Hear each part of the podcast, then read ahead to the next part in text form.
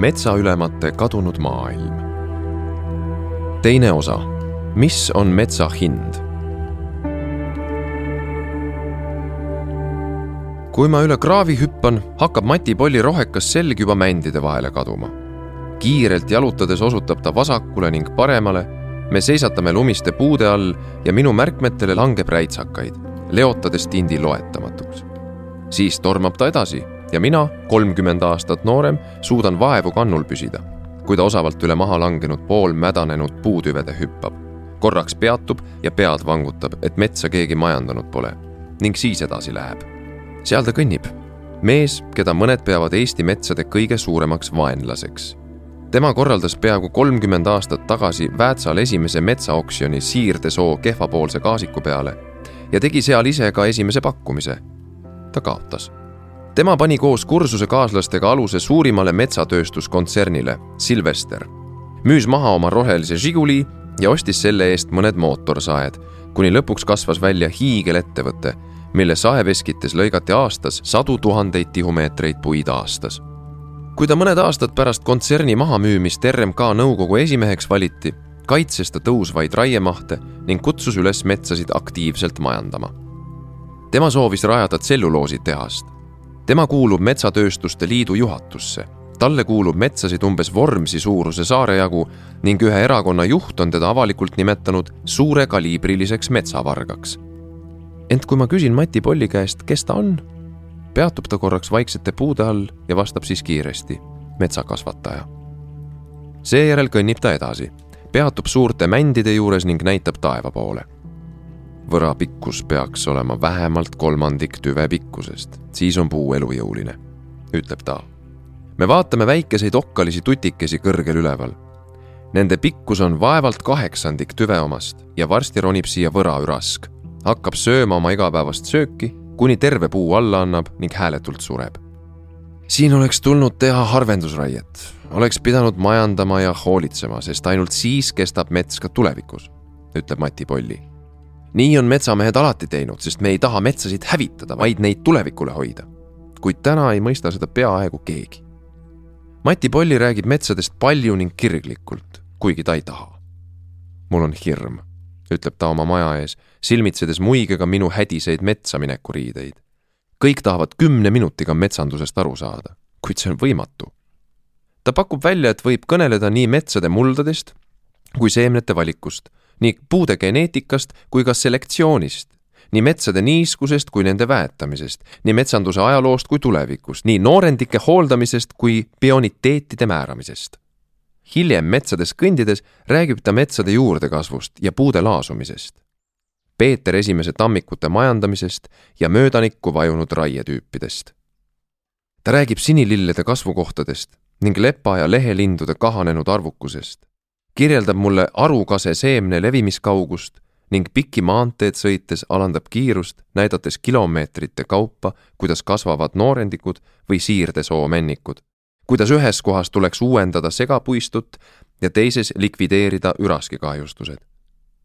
ta peatub ühes kuusikus ning räägib, kuidas valesti raiudes võib kuuse tüvi avaneda liigselt päikesele, ürask ronib peale, närib augu sisse ja hukkub kohe, sest koorealune vaigurõhk lööb ta oimetuks kuid siis tulevad uued ja uued üraskid, närivad uued augud, vaigurõhk langeb ning vaik voolab välja. kuusk luitub ning üraskid ajavad oma käigud sinna sisse. kui üks galerii pakkus Mati Pollile müügiks kunstipäraseid fotosid üraskite poolt uuristatud labürintidest, ei suutnud Polli neid osta ma ju tean, mida need käigud metsale tähendavad, ütleb ta ta näitab Pirita lähedal võimsaid männikuid ja kirjeldab, kuidas ta neis looduskaitsjate vastuseisust hoolimata aastakümneid tagasi rühmiti puid langetas, et ülejäänud mets saaks areneda täpselt nii ilusaks, kui ta praegu on. ta räägib kaitsealustest Hiiumaa laidudest, kus midagi teha ei tohi ning mis seetõttu on muutunud kinni kasvanud võpsikuteks. ja ta räägib, kuidas ostis ära oma lapsepõlvemaad ning istutas sinna tütrepulmadeks pärnadest ringi arvestades neile asupaika valides ka seda, et kõrval olev vaher umbes viie aasta pärast maha langeb. Kui minu lapselapselapsed sinna lähevad, on neil ilus tosinast pärnast ring, ütleb Polli. ent kas seda ringi tahtsid keskkonnaametnikud keelata? me jalutame ja sõidame temaga mitu päeva metsades. Mati Polli kõnnib tavalisel nädalal Laantes üle kolmekümne tuhande sammu. ta käib metsades kogu aeg ja pidevalt, on käinud juba lapsena, mil ta metsaülemast vanaisa, metsaülemast isa ja metsateadlasest onu käekõrval puude vahel kõndis. Metskonna kantseleis laua all vanade metsavahtide jutte kuulas, keskkoolipoisina kuusikutes pärast hiigeltorme üraskipuid langetas või hiljem peale cum laude metsanduse lõpetamist, isa metskonna üle võttis ja ametisõidukiks antud hobusega läbi sealsete salude ratsutas. ta teab metsadest palju. ent kui talle vahel peaminister helistab ja palub kärmelt selgeks teha, kas Eestis raiutakse liiga palju või liiga vähe, tabab teda hirm. Sest kümne minutiga on ehk võimalik õhtul pidžaama selga saada, aga mitte rääkida metsanduse kõige erinevamatest tahkudest seetõttu ei vaata ta enam uudistesaateid ega loe ajalehti. ta ei ole ka ise kunagi ühtegi pikemat intervjuud andnud, sest ta ei taha osaleda sõdades, kus tema sõnul teadmised ja faktid taanduvad emotsioonide ees. ega poliitikas, kus otsustatakse reitingu järgi. aga reitingud määravad samuti tunded. Polli kirjeldab mulle lindude pesitsemisharjumusi ning nimetab kaske kasekeseks. ent metsa kõige suurem vaenlane on tema sõnul see, kui metsal lastakse lihtsalt olla metsa tuleb majandada, ütleb ta korduvalt, sest muidu meie lastelastel metsa ei ole. ta nimetab seda vanaks metsameeste tarkuseks.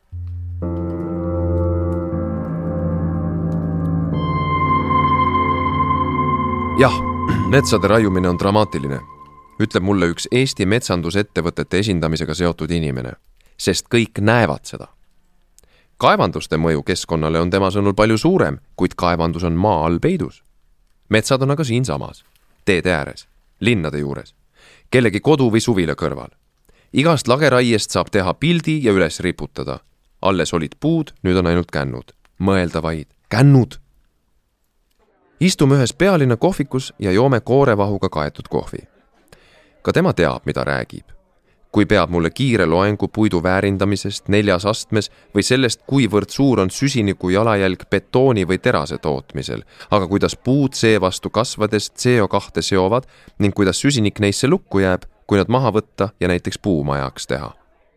ta räägib mulle pöörastest uuendustest puidu kasutamisel, kuidas juba tehakse sellest isegi kangaid.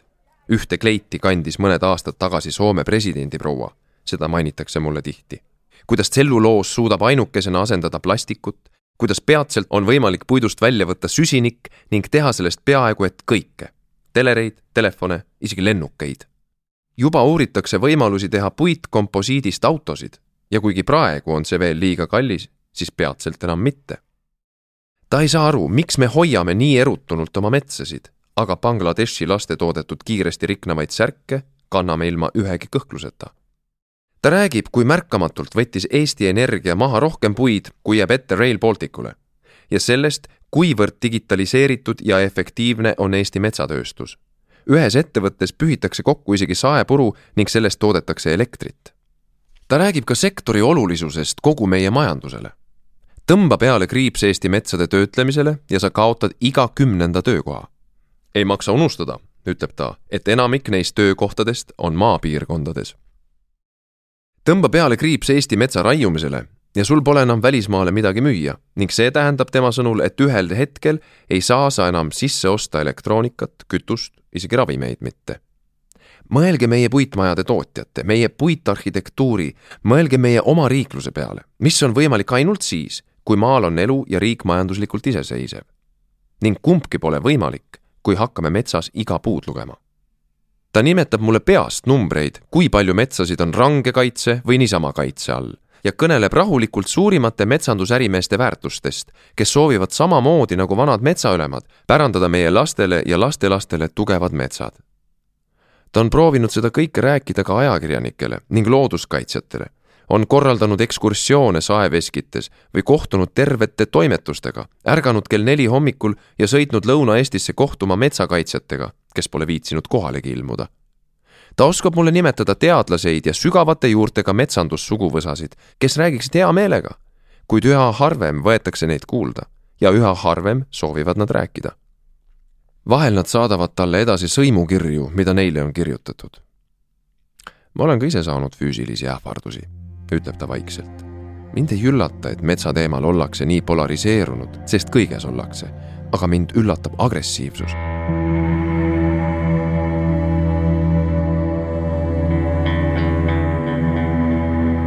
metsale tuli õige hind anda. seisame Mati Polliga järjekordse maha langenud puu ees ning minu pastakas suudab märkmikku jätta veel ainult suuri märgi larakaid.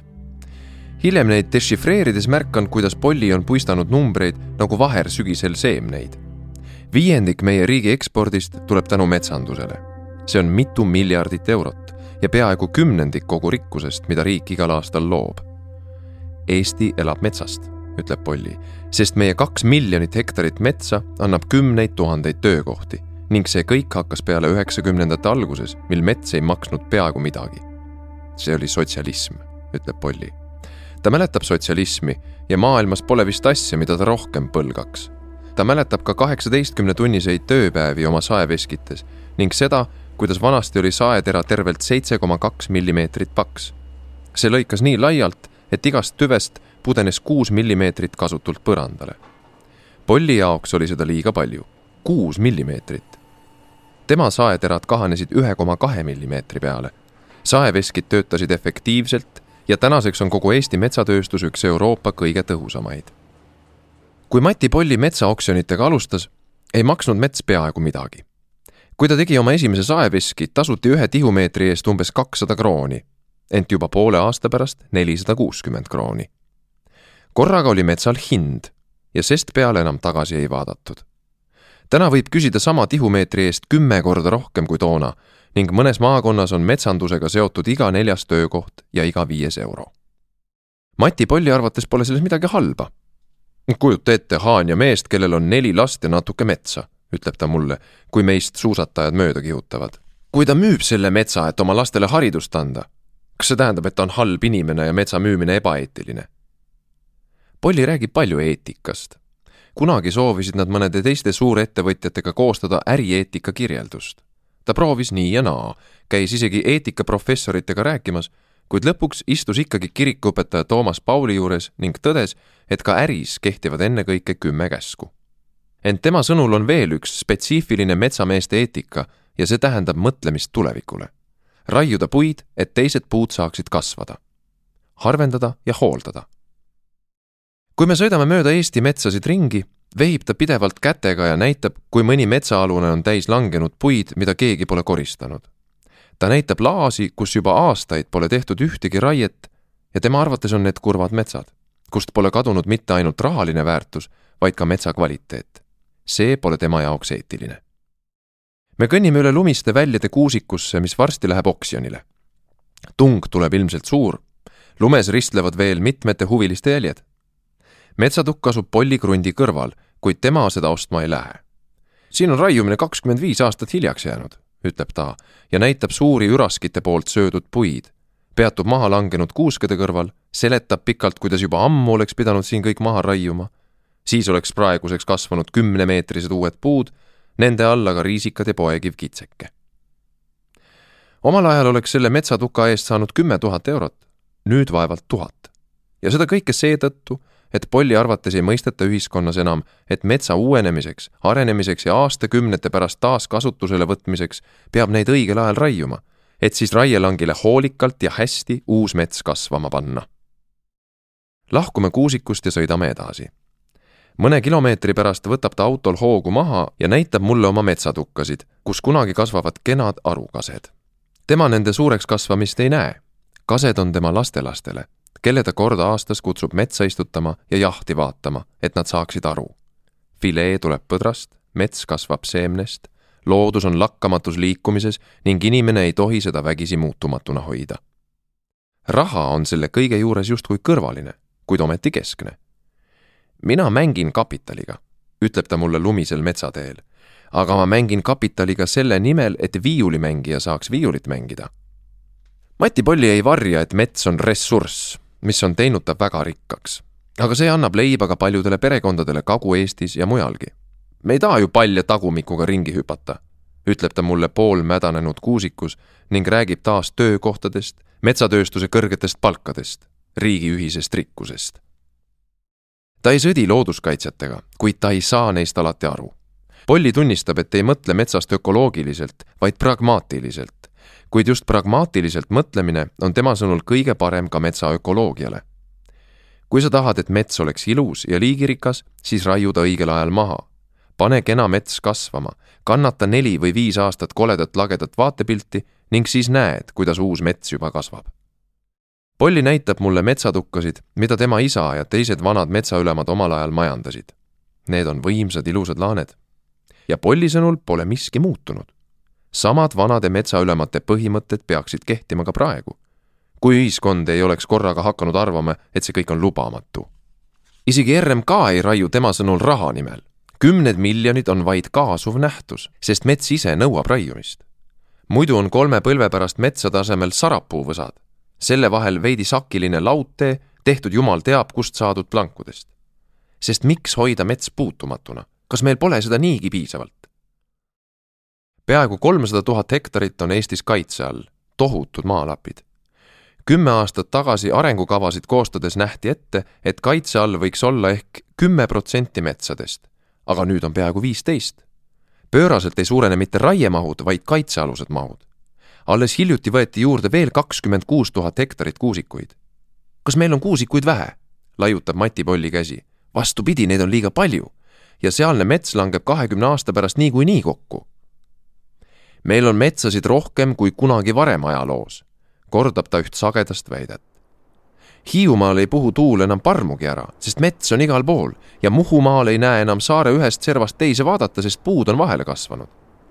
jah, probleemi ei ole, isegi metsade eripalgeline mosaiiksus olevat alles kuidas Mati Polli ka ei vaataks Eesti metsades ringi, kuidas ta ka ei sõidaks igal nädalal mööda maakondi ega hindaks meie metsade varusid ning juurdekasvusid, mille kohta ta hakkas andmeid koguma juba kaheksakümnendatel, ta ei suuda näha, et meie metsandus oleks halvas seisus, et meie metsad häviksid või raiutaks liiga palju.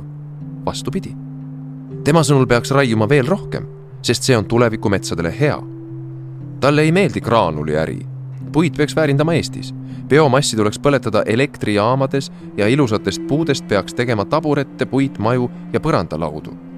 kuid ta mõtleb õudusega, mis saab siis, kui Euroopa Liit enam graanuliäri ei toeta ning siinsed raiemahud kolmandiku võrra langevad. Mati Polli arvates tähendab see meie metsade lagunemist, kokkukukkumist, mädanemist. Inimesed lihtsalt ei tea, ei tunne metsa ega ole harjunud sellega, et mets kuulub kõige muu hulgas ka raiumisele. me möödume ühest tütarlapsest. ta on kummardunud lumise metsaaluse kohale. märkan, et ta teeb sellest oma telefoniga pilti